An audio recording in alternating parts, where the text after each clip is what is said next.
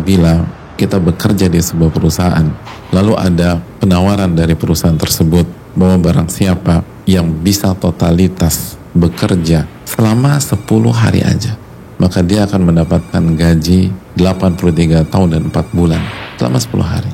Tanpa ada cuti, tanpa ada absen, tanpa ada keterlambatan. Misalnya gaji satu bulan 5 juta kali 12, lalu kali 83 tahun, 4 miliar 980 juta Bagaimana respon kita sebagai pegawai? Apakah malas-malasan? Atau hanya di skip saja penawaran tersebut? Atau terjadi perubahan kinerja yang sangat signifikan selama 10 hari? Siapa nggak mau hadirin sekalian? Lailatul Qadar itu lebih baik daripada 1000 bulan. Bukan 83 tahun 4 bulan, tapi lebih baik dari itu.